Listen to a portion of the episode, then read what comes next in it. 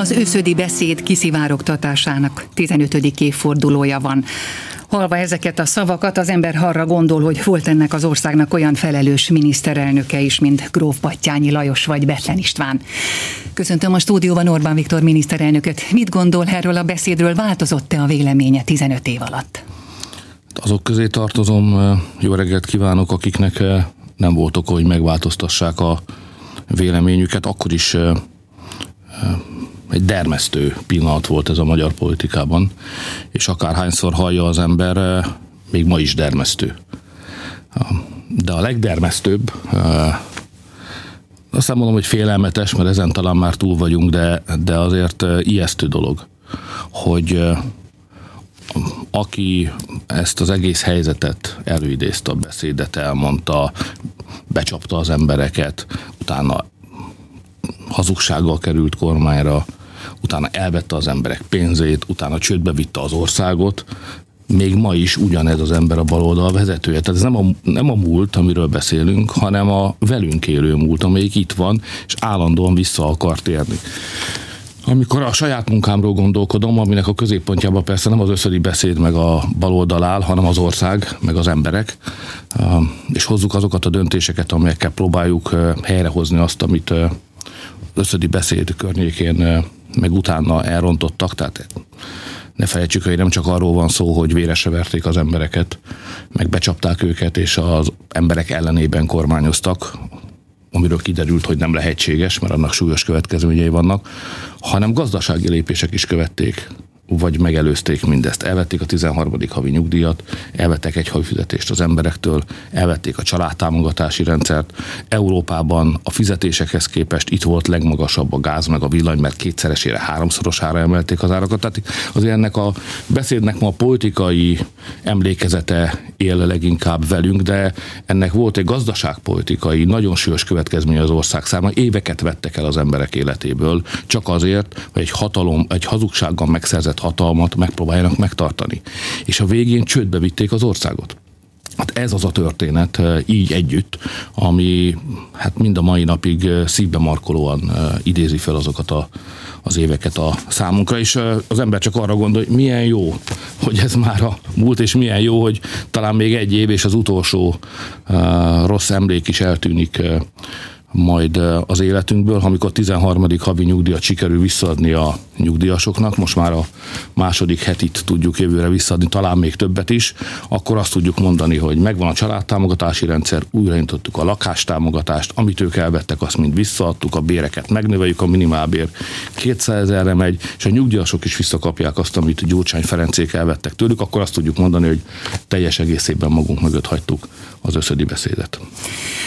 Gyurcsány Ferenc hazudott, provokált, megverette a választókat.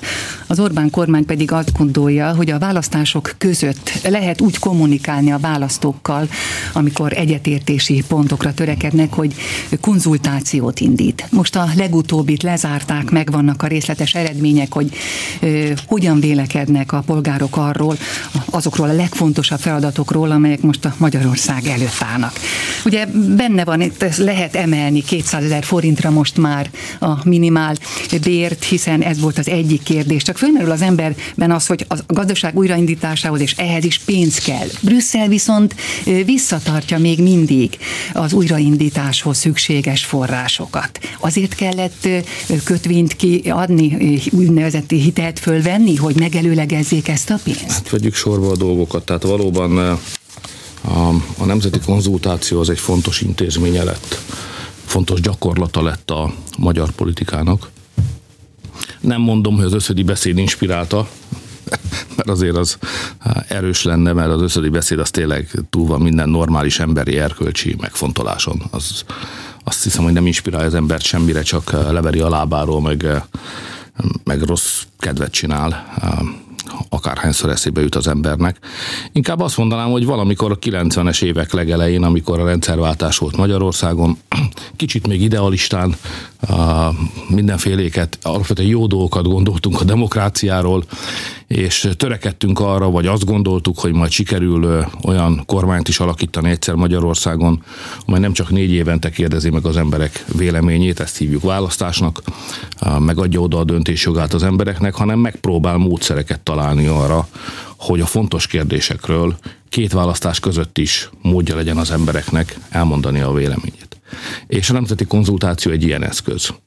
Ezt még a emlékeim szerint valamikor a 2010-es évek elején, amikor az új alkotmányt, az alaptörvényt készültünk megalkotni, akkor vezettük be, és nagyon nagy sikerrel több mint egy millió ember küldte vissza már akkor is a véleményét, és ezért van szó, hogy az alkotmányunk olyan magabiztos lábakon áll, és állja a, az idők viharát, mint ahogy ezt eh, mindannyian nap mint nap láthatjuk, hogy se kívülről, se belülről ezt az alkotmányos rendet eh, szétfeszíteni vagy megdönteni nem lehet. Ez részben annak köszönhető, hogy az embereket bevontuk a megalkotásába, és aztán később volt nemzeti konzultációnk a gazdasági kérdésekről, szociális kérdésekről, nyugdíjról, aztán migrációról, család, szóval mindenki Magyarországon, aki úgy gondolta, hogy a két választás között el akarja mondani a véleményét egy-egy fontos előttünk álló döntés ügyében, az megtehette. Ez, ez nagy vívmánya szerintem a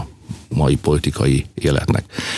Azért éreztük, éreztük és éreztem úgy, hogy most egy konzultációra lesz szükség, mert a járvány az meg fogja változtatni az életünket, tehát nem úgy folytatódik majd az európai ember élete, sőt az egész világgazdaságra igaz ez, mint ahogy az a válság a járvány előtt volt. Egy ne- nehéz évtized előtt állunk, aminek az egyik jellemzője az a járványok visszatérő újabb és újabb hulláma lesz, és ráadásul migrációs hullámokkal vegyítve. Tehát migrációk és járványok korát fogjuk élni. És erre föl kell készülni. És jó, hogyha az emberek tudják, hogy egy ilyen korszak előtt állunk, és van módjuk elmondani, hogy ebben az új korszakban mi az a néhány biztos pont, amihez ragaszkodnak. Ezért kellett beszélnünk a minimálbérről, arról, hogy legyen-e például saját magyar vakcinagyártási kapacitás, ami nem olcsó dolog, de végül is több mint 90% szerint kell, hogy legyen. Ezért kellett beszélnünk a családokról, hiszen a következő években kihívások fognak bennünket érni. A nyugatiak, illetve az, az Európai Parlament folyamatosan azt akarja, hogy a gyermekek nevelése a szülőktől átkerüljön a a politikai aktivisták kezében, ennek ellent kell állni, ki kell majd állnunk Brüsszel szemben a migráció ügyében a saját szuverenitásunk és jogköreink mellett. Ezek mind nehéz és komoly következményekkel járó politikai döntések lesznek. És a nemzeti konzultációban azt az eszközt látom, amelyel létre tudunk hozni egyetértési pontokat. Tehát én nem csak gondolom, meg föltételezem, meg vélelmezem, hogy az embereknek mi jár a fejükben egy-egy kérdés kapcsán, mondjuk amikor Brüsszelben időnként 20 miniszter miniszterelnökkel, meg a teljes brüsszeli bürokráciával kell szembe fordulni, hanem én a, a konzultáció miatt pontosan tudom, hogy az emberek egyébként erről a kérdésről mit gondolnak, és akinek fontos az ország, fontos a közélet, és el akarta mondani, hogy mit gondol, az meg is tette, és amikor beszélek, akkor nem csak a saját álláspontomat, hanem bizton tudhatom, hogy az egész ország álláspontját képviselem. Ezért nagy jelentőségű a nemzeti konzultáció. Mindig törekedtünk, törekedtem arra is, hogy konzultáció után következmények legyenek, tehát a konzultációban elmondott véleményekből politikai, kormányzati döntések következzenek, döntenek. Az egyik ilyen döntést már meg is hoztuk, kérdeztük az embereket a hitel moratórium föntartásáról, és az volt a 90% fölötti vélemény, hogy a rászorulók számára ezt fönn kell tartani, a rászoruló kis- és középvállalkozók számára is, ott, ahol a járvány miatt a bevétel az 25%-kal leesett, és a családok esetében is, akik rászorulóak, azoknak legyen lehetőségük, hogy folytatódjon a hitelmoratórium, ha úgy számolnak, hogy az nekik jobb, mint ha megkezdenék a törlesztést. Erről már döntöttünk is, de lesz majd még néhány ilyen döntésünk hétfőn a parlamentben, amikor az idény az őszi ülésszak megkezdődik, erről tudok is majd beszélni. Most ezek után a forrásokról. Ugye kitűztünk egy egy grandiózus célt magunk elé a járvány kellős közepén, pénzügyminiszter úrral, aki a gazdaságpolitika egy fontos szegmensért, szeretért felel, ezt hosszan vitattuk, hogy, hogy hogyan tudunk kijönni majd gazdasági értelemben ebből a, a válságból úgy, hogy közben látjuk, hogy a negyedik hullám is készülődik. És azt a vállalást tettük, hogy egy gyorsító pályán jövünk ki, hozunk olyan döntéseket, amelyel már az idén, 21-ben 5,5 százalék fölé tudjuk emelni a gazdasági növekedést. Ez magától nem ment volna, meg sem közelítette volna, ha csak úgy magára hagyjuk a gazdaságot, és a, a, bedobjuk a lovak közé a gyeplőt, akkor ez a növekedés ez meg se közelítette volna az 5,5 százalékot. Bizonyos kormányzati intézkedésekkel van ennek csinya binja. Úgy éreztük, hogy meg tudjuk célozni az 5,5 százalékot. Most jól látható, hogy ez minden emberi számítás szerint, messze még az év vége ugyan, ez sikerülni is fog.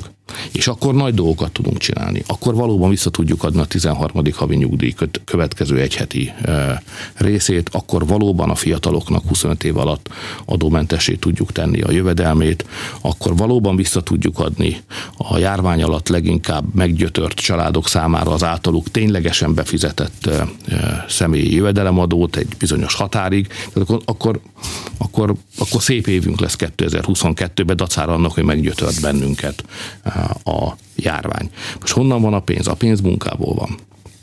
Tehát lehet, hogy ez rossz hír a reggel, de azt minden magyarnak tudnia kell, és sajnos nem mondhatok ennél jobb hírt a számukra. Csak abból tudunk megélni, amiért megdolgoztunk. Itt az első világháború után elvették tőlünk azokat a lehetőségeket, területeket és erőforrásokat, ahol egyébként ásványi kincsek, tengerpart, épületfa, tehát egyáltalán olyan erőforrások voltak találhatók, amelyeket úgy hívnak, hogy természeti adottság. A mostani Magyarország is fantasztikus, mezőgazdaság kiválóan alkalmas, vizeink is vannak, de azok a energiaforrások és nyersanyagforrások, amelyek számos országnak rendelkezésére állnak, mert ők például nem vesztették el, vagy mindig is volt nekik.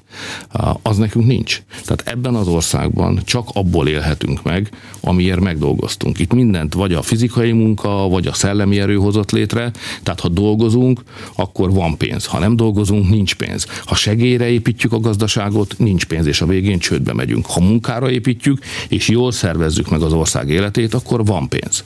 És ezért jó, ha mindenki tudja, hogy 2010 után erről a segély alapú gyurcsányféle szocialista típusú munkáról lebeszélő gazdaságpolitika helyett egy munkaalapú gazdaságot építettünk föl Magyarországon ma, többen dolgoznak, mint bármikor, bármikor 1990 után. Tehát ezért működik a gazdaság, ezért van pénz. Brüsszelből is egy év egészét tekintve több pénz jön, mint amit befizetünk, de ebből levonom azt, amit a nyugatiak kivisznek ebből az országból minden évbe, akik a brüsszelieknek a a kedvencei, akkor ez a mérleg már negatív. Ezért én mindig azt mondom, hogy az Európai Uniós tagság nem azért fontos, mert onnan most pénzt kapunk, mert valójában többet visznek ki tőlünk, mint amit kapunk. Nem ez a lényeg. Itt inkább van némi veszteségünk. Az Európai Unió azért fontos a számunkra, mert piacot ad, a szám, piacot ad Magyarországnak. Tehát a munkánk, amivel árukat, termékeket, szolgáltatásokat állítunk elő, azt el tudjuk adni. Tehát akkor tudunk egy munkára épülő gazdaságot magas életszínvonalra párosítani Magyarországon, ha a munkánk gyümölcsét nem csak ez a 10 millió ember fogyasztja el, mert ahhoz kevesen vagyunk, hogy ebből virágzó gazdaság legyen, hanem hozzáférünk a 400 milliós Európai Uniós piacon, na akkor van pénz. Tehát nekünk az Európai Unió mellett azért kell kiállnunk, és azért kell benne maradnunk, ezért mondom azt, hogy hiába recseg ropog, az utolsók között leszünk, akik még ott lesznek az Unióban, ha az egyszer befejezi a pályafutását. Nekünk azért kell ott lenni, mert csak így tudjuk eladni a munka révén előállított termékeinket. És ha el tudjuk adni, van pénz, nem a brüsszeli pénzek az érdekesek. Ráadásul az újraépítési pénzek azok hitelek.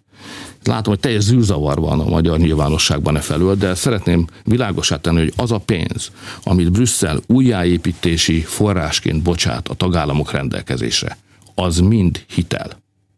És miután Brüsszel most politikai okokból ezt a pénzt nem akarja ideadni, mert az LMBTQ közösséggel kapcsolatban vitánk van, meg nem akarjuk megengedni, hogy érvényesüljön az ő akaratuk. Mármint, hogy bemessenek az iskolába és a gyermekeink nevelésében bármilyen szerepet is játszanak. De a szülőket illeti meg a jog és a kizárólagos döntésjoga a gyermekek neveléséről. Ők ezt el akarják tőlünk venni, ezért nem adják oda ezeket a pénzeket, de ezek hitelek. Ezeket majd vissza kell fizetnünk.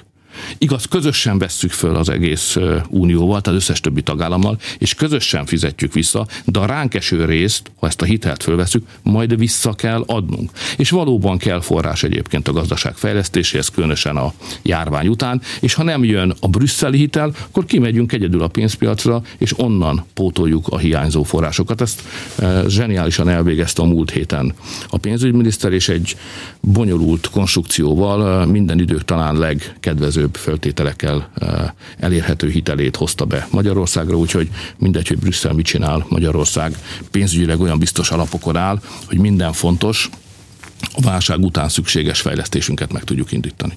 A számok azt mutatják, hogy fölfelé hív el a járvány negyedik hulláma. 458 ember fertőződött meg a tegnapi napon, egy nap alatt, és elég sokan vannak már kórházban is. Nem gondolkodnak azon, hogy esetleg a maszk használatot újra kötelezővé teszik. Látjuk egyébként a tömegközlekedésen, vagy a nagy bevásárlócsarnokokban, sokan maguk is viselik maguktól. Nem kötelező, de viselik ezt a Persze, aki szükségét látja, meg úgy gondolja, hogy ez őt védi, vagy leginkább abban segít, hogy ő ne fertőzön meg másokat, mert a maszk inkább arra jó, hogy ha valaki fertőző, akkor ezt ne adja tovább.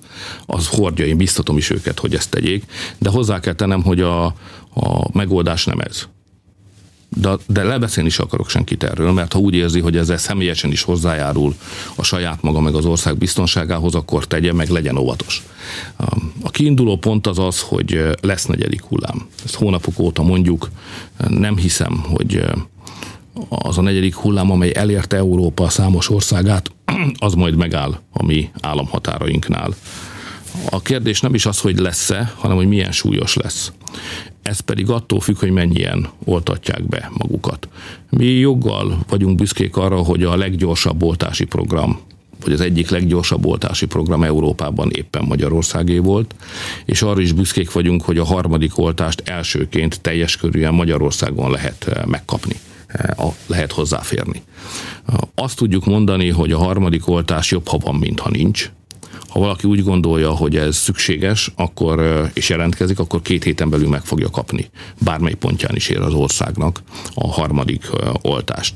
A cselekvőképességet a védekezéshez mindenképpen fönn kell tartani, az egészségügyi és a kormányzati cselekvőképességet.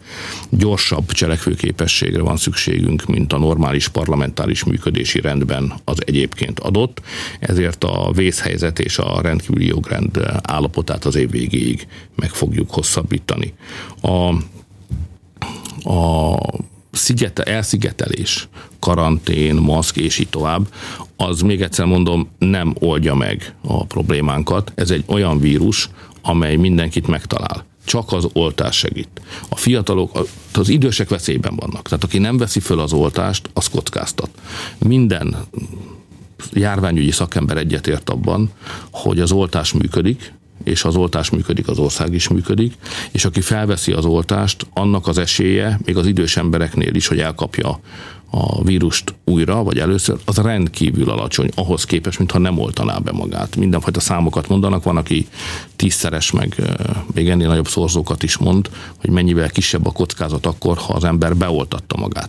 Tehát biztatom az összes magyar állampolgárt, az időseket különösen, mert ők vannak veszélyben. Akinek krónikus betege van, betegsége van, őket külön is biztatom. Akinek daganatos betegsége van, különösen.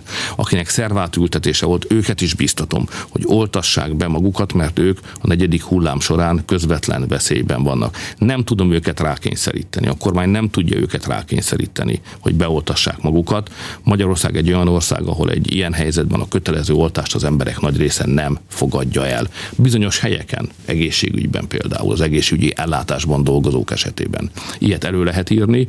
Beszélünk arról, hogy egyes munkaadók előírhatják a dolgozóik számára, vagy sem. Ez egy nagy vita, ezt most még nem tudjuk lezárni, de nem tudunk kötelező oltást erre rendelni általánosan mindenkire nézve Magyarországon, ezt a magyar ember gyomra nem veszi be, de biztatni, biztatni kell mindenkit, hogy oltassa be magát. Minden egyes oltás az csökkenti a negyedik járvány súlyosságának a kockázatát. A fiatalok azt hiszik, mert ettől fiatalok, hogy ide nekik az oroszlánt is, meg ők, őket nem fogja a golyó. Ez nem így van, ez egy olyan vírus, ami őket is eltalálja, és az oltás egy golyóálló mellény a fiataloknak is. A fiatalokat is kérem, hogy oltassák be magukat. Minél többen leszünk beoltva, annál kevésbé lesz súlyos a negyedik hullám. Igen, csak olyan nehezen mennek fölfelé a számok ugye azoknál, akik az első oltást sem kérték, mert az tényleg látszik, hogy a harmadik oltásra egyre másra jelentkeznek a 60 éven felüliek és a betegek, de olyan nehezen, de az egész világon nagyon nehezen megy. Hát nézem, de, de magyar, mi meg magyarok vagyunk ráadásul. Tehát ha ugye nap mint nap találkozom valamilyen formában azzal, hogy hogyan viselkednek a magyar ember, hogyan viselkedünk. Például, amikor adóbefizetés van. Mindenki tudja, adóbefizetés lesz. Kinyílik a lehetőség, van rá több mint egy hónap. Mikor fizetjük be? Hát a végén fizetjük be. Tehát eh, a magyar is ugyan, amíg nincs baj, addig, addig nem csinál olyasmit, ami nem része az életének. Amikor meg bejut a baj, akkor elkezd kapkodni. Ez egy, ez egy eh, karakterjegye a magyaroknak, de ha nagy baj van, akkor az embernek le kell győzni a rossz szokásait. Tehát és mindenkit arra kérek, hogy semmit ne hagyjon az utolsó pillanatra, mert ha már elkapta a vírust, akkor a kockázat előállt. És hogy megmarad, vagy nem, túléli, vagy nem, károsodással éli túl, vagy nem, hogy hosszú ideig leveri a lábáról, vagy sem, azt már csak a jóisten döntheti el utána. Addig kell tennünk, addig kell védekeznünk, mielőtt megkapnánk a vakcinát. Ne várjanak, vegyék föl az oltást. Magyarországon járt első Ferenc pápa. Ő tartotta a záró misét az eukarisztikus kongresszuson. 40 percig beszélgettek önök Áder János társaságában a pápával. Miről beszélgettek, miniszterelnök? Hát, az óriási esemény volt az eukarisztikus kongresszus. 80 éve történt ilyen Magyarországon, és könnyen lehet, hogy az én életemben ilyen már még egyszer nem is lesz.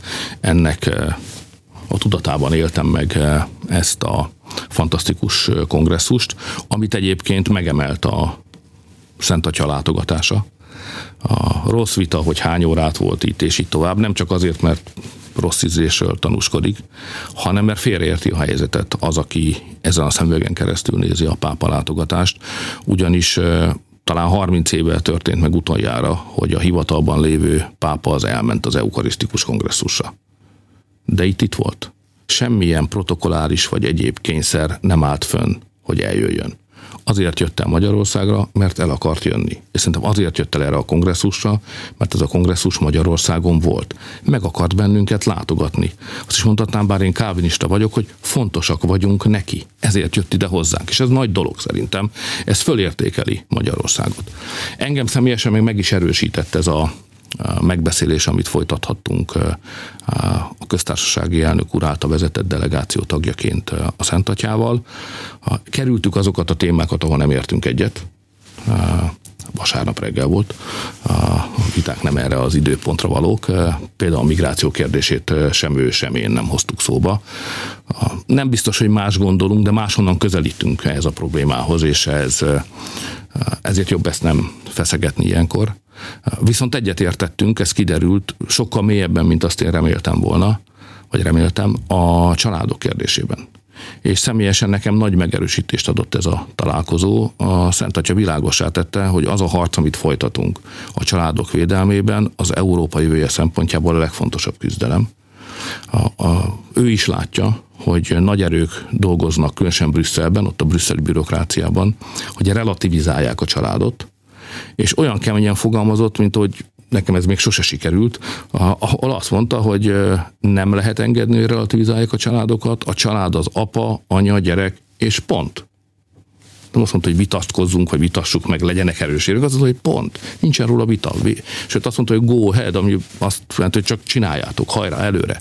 És csinálni is fogjuk. Tehát azt hiszem, hogy összességében ez a látogatás, ez Magyarországot fölértékelte, és személyesen nagyon sokunkat pedig megerősített. Áradt a Szentlélek, ezt mindenki érezhette, aki részt vett a zárómisén, vagy bármelyik eseményén a eukarisztikus kongresszusnak. Csak azért kérdeztem röviden, mert hogy a BBC olyan címmel jelentetett meg híreket, hogy a pápa az antiszemitizmus veszélyére hívta fel a figyelmet Magyarországon, mint hogyha ez lett volna a célja látogatása. Szerintem mindenhol fölhívja a figyelmet erre a veszélyre, de ő is láthatta, hiszen a zsidó közösségek képviselői is jelen voltak az eseményeken, hogy Magyarországon szemben Nyugat-Európával szabad zsidó élet történik. Ha valaki megpróbálna úgy élni Berlinben, Párizsban, meg jó néhány más európai nagyvárosban, zsidóként, mint ahol Budapesten él, vállalva az identitását az utcán is nyilvánvaló módon, akkor folyamatos atrocitásokra kellene számítani. Hát ott azért nagyon súlyos terrorista merényleteket követnek el a zsidó közösségekkel szemben. Tehát összesen lehet vetni a magyarországi biztonságot, meg a nyugat-európai biztonságot ebből a szempontból sem, és ezt mindenki tudja. De ettől még fontos, hogy a Szent Atya bármere jár, mindol figyelmeztessen bennünket arra, hogy a gyűlölet, a származás és faji alapon való kirekesztés az olyasmi, amit egy keresztény ember nem vállalhat. Köszönöm. Orbán Viktor miniszterelnököt hallották.